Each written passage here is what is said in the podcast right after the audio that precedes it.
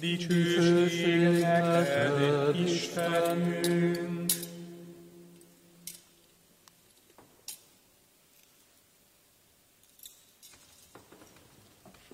A hét első napján kora reggel, amikor még sötét volt, Mária Magdolna kiment a sírhoz. Odaérve látta, hogy a követ elmozdították a sírtól. Erre elfutott Simon Péterhez és a másik tanítványhoz, akit Jézus szeretett, és hírül adta nekik, elvitték az urat a sírból, és nem tudom, hová tették. Péter és a másik tanítvány elindult, és a sírhoz sietett. Futottak mind a ketten, de a másik tanítvány gyorsabban futott, mint Péter, és hamarabb ért a sírhoz. Benézett, és látta az ott hagyott gyors leplet, de nem ment be. Közben odaért Simon Péter is. Ő is látta az ott hagyott lepleket és a kendőt, amely Jézus fejét takarta. Ez nem volt együtt a leplekkel, hanem külön feküdt összehajtva egy helyen. Akkor bement a másik tanítvány is, aki először ért a sírhoz. Látta mindezt és hitt. Addig ugyanis még nem értették meg, hogy Jézusnak fel kellett támadnia a halálból. Ezek az evangélium igéi. Áldom téged, Krisztus!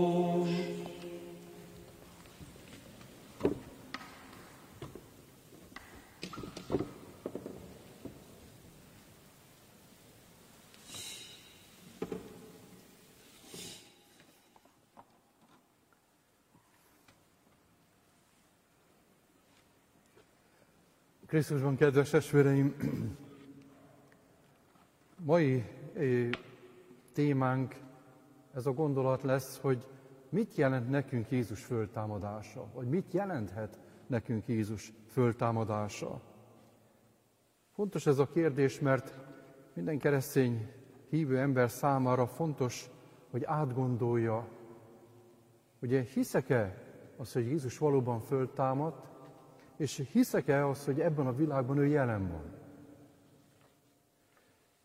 Sok ember úgy gondolja azt, hogy ez egy felesleges teher. Még keresztények között is található ilyen, hiszen ez a, ez a hitnek e, e, és az észnek ellentmond. Tapasztaljuk azt, hogy minden ember meghal, és, és az enyészet lesz a vég. Tehát elporlod az embernek a teste, legfeljebb, hogyha a múmiát készítettek, akkor, akkor az egy pár évszázadig fönn tud maradni, talán még ezer évig is. Hogy ez nehézséget jelenthetett az őskeresztényeknek is, ez bizonyítja Pálapostolnak a korintusiaknak leírt levelében, hogy hogy szinte, hogy előttem van ez a kép az, hogy Pál egyszer úgy kifakad, úgy, úgy szinte toppant egyet a lábával, és azt mondja, hogy mi azonban a megfeszített Krisztus hirdetjük, amely a zsidóknak botrány, a pogányoknak pedig ostobaság. Ő ezt tapasztalta. Pál, hogy beszélt, akkor a zsidók föl voltak háborodva, hogy milyen Istenről beszélsz te, akit megöltek a kereszten. Te nem vagy normális. Hát, hogyha Isten, akkor hogy engedte ezt meg? A pogányok pedig az egészet egy ostobosságnak tartották. Nekünk sokkal különb isteneink vannak, ahogy gondolkoztak. És Pál nem áll meg a keresztnek a botrányánál, amely, amely valóban megtapasztalt dolog volt, hanem mindezt a föltámadásnak a fényébe tanította. Idézek, ha pedig Krisztus nem támad föl, nincs értelme a mi tanításunknak, és nincs értelme a ti hiteteknek sem. Tehát, hogy ez a tény, hogyha kivesszük a kereszténységből, a hitünkből, hogy Jézus föltámadt, akkor nincs értelme az, hogy erről beszéljünk. Ez egy, ez egy hazugságnak tűnne, és nincs értelme a ti hiteteknek sem. Ez egy eléggé erős mondat volt az ő szájáról, amikor ezt úgy, ezt úgy kifejezte. És valóban, hogyha elvesszük a kereszténységből a föltámadásnak a hitét, 16. Benedek pápának a gondolata ez, akkor még összeállíthatunk egy sor gondolatot Istenről, emberről, és egyfajta vallásos világnézetet is le tudunk írni, de a keresztény hit az halott lenne. A keresztény hitben nem lenne élet.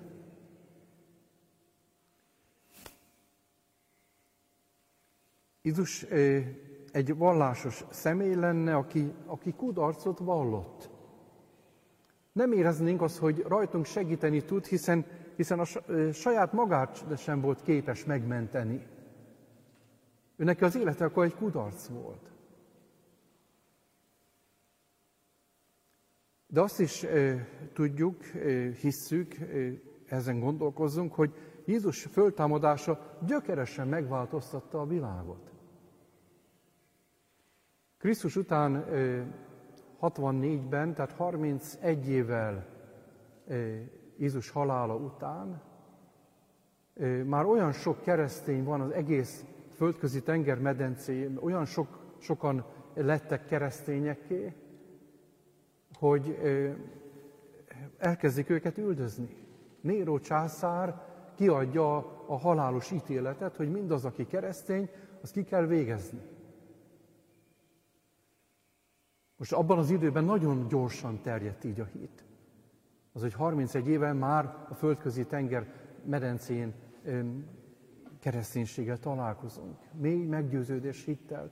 Ez nem lehet egy, egy, egy hazug dologra, egy, egy kitalálásra, egy álmodozásra építeni. Itt csak a bizonságot kell nekünk keresni, azt, hogy, hogy az, azokban az emberekben, akik, akik hittek, ott volt a bizonyosság. A, fölté, a föltámadásnak a ténye az kinyitotta az emberiség számára a reménységnek a kapuját hiszen életünknek egy, egy örök távolatot adott az, hogy, hogy nem a halálé lesz az utolsó szó. Nem egy 70-80 éve lezáruló életnek, és akkor úgy megsemmisülünk és semmivé válunk. És éppen Krisztusnak a föltámadása bizonyíték arra az, hogy, hogy van örök élet. Ő onnét jött vissza.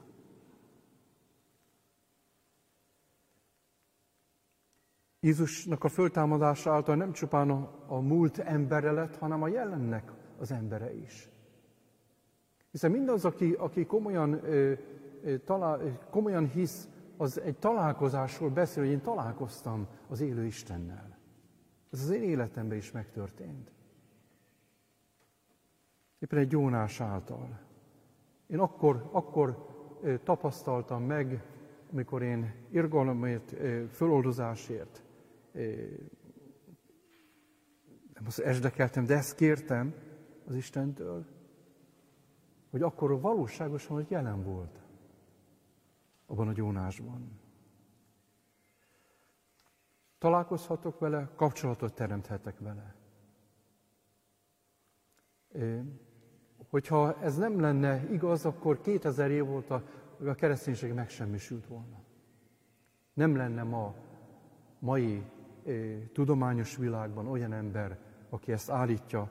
És nagyon érdekes azt megtapasztalni az, hogy igazán komoly hívek között ott vannak a, a, a tanult emberek, a tudósok, a, a, a különböző ténylegesen értelmis, értelmisége emberek, akik, akik nem buták, akik egyetemet végeztek, akik föltalálók, akik, akik az emberiséget nagyon sokat tettek. Most, hogy az elképzelhetetlen, hogy egyik oldalon nagyon sokat gondolkozik, a másik gondolatba pedig nem megy a végére.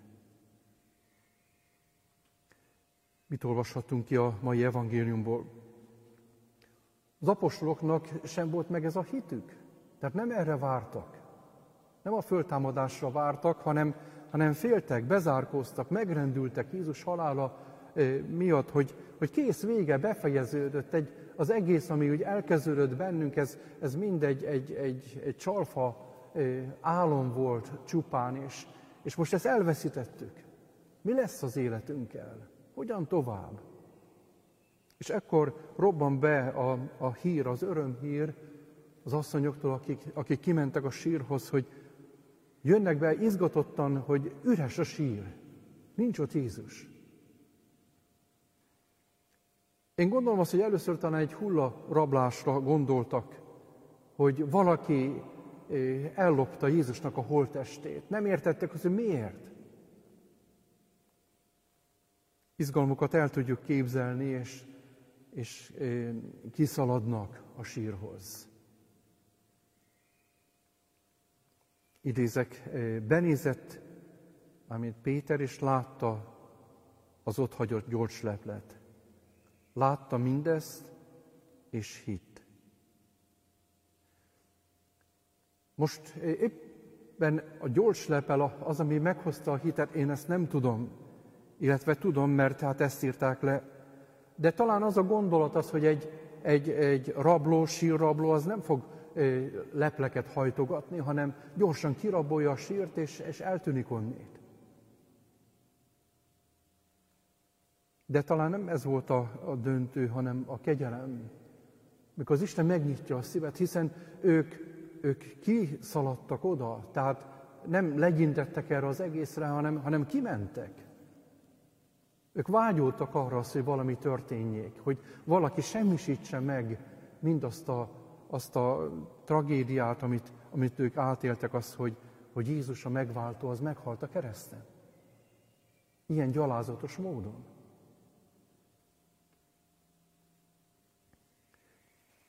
Ez a kételkedő Péter, aki a főszereplője a mai evangéliumnak, már a pünkösdi beszédében, amit ma felolvastunk, már bizonyossággal beszél, idézek, keresztre feszítették, de harmanap föltámasztotta Isten, és látható alakban megmutatta őt. Nagyon sok emberben megvan a hitnek az a fokozatossága, Vannak kételkedő és közömbös periódusok, amikor az ember úgy nem tartja fontosnak a hitet, amikor, amikor kételkedik az egészben, amikor közömbös vagyok, nem érint meg, nem foglalkozom vele. De ugyanabban az emberben történhet egy egészen mélységes, személyes hit. És ez mindig, mindig a találkozásból fakad. A mi életünkben is úgy megtapasztalhatjuk ezeket a húsviti jeleket. Ezek embereken keresztül, vagy történéseken keresztül jönnek el hozzánk. Lehetnek, hogy nekem legalábbis a szüleimnek a hite, az egy, az egy nagyon nagy jel volt. Egy szülő nem tudja egy életen keresztül megjátszani magát a gyermeke előtt. A gyermek pontosan tudja azt, hogy, hogy ténylegesen hisz, ténylegesen mélységes ez a hit. Vagy egy, egy papnak a, az élete volt számomra egy nagyon-nagyon meghatározó, hogy mi velünk fiatalokkal foglalkozott, ezért az államhatóság letartóztatta és több évi börtönbe vetette. És amikor kijött a börtönből, én ugyanazt a lendületet, ugyanazt a tüzet éreztem meg benne. Tehát amilyen lelkesedéssel beszélt, mint hogyha az a börtön évek, azok, azok nem jelentettek volna neki semmit. Sőt, amikor már nagyon idős volt, és egyszer úgy beszélt az, hogy az egész életéről, akkor mondta azt, hogy ő úgy érzi azt, hogy a legértékesebb életem szakasza az a börtönbe volt. Amikor nem csináltam semmit, akkor tettem mégis a legtöbbet. És ez egy jel volt, egy húsvéti jel volt számomra, hogy honnét van ennek az embernek ez a lelkesedése, ez az elkötelezettsége. És lehetne folytatni a sor, de erre ma, ma már nincsen időnk. Urunk, hálát adunk a föltámadásodért, hogy megtapasztaltattad velünk, hogy élsz és szeretsz minket. Köszönet a jövő ígéretéért, hogy a föltámadásunk, a föltámadásnak mi is részesei lehetünk. Add azt, hogy ezt megértsük, befogadjuk, és valóban megtapasztaljuk. Amen.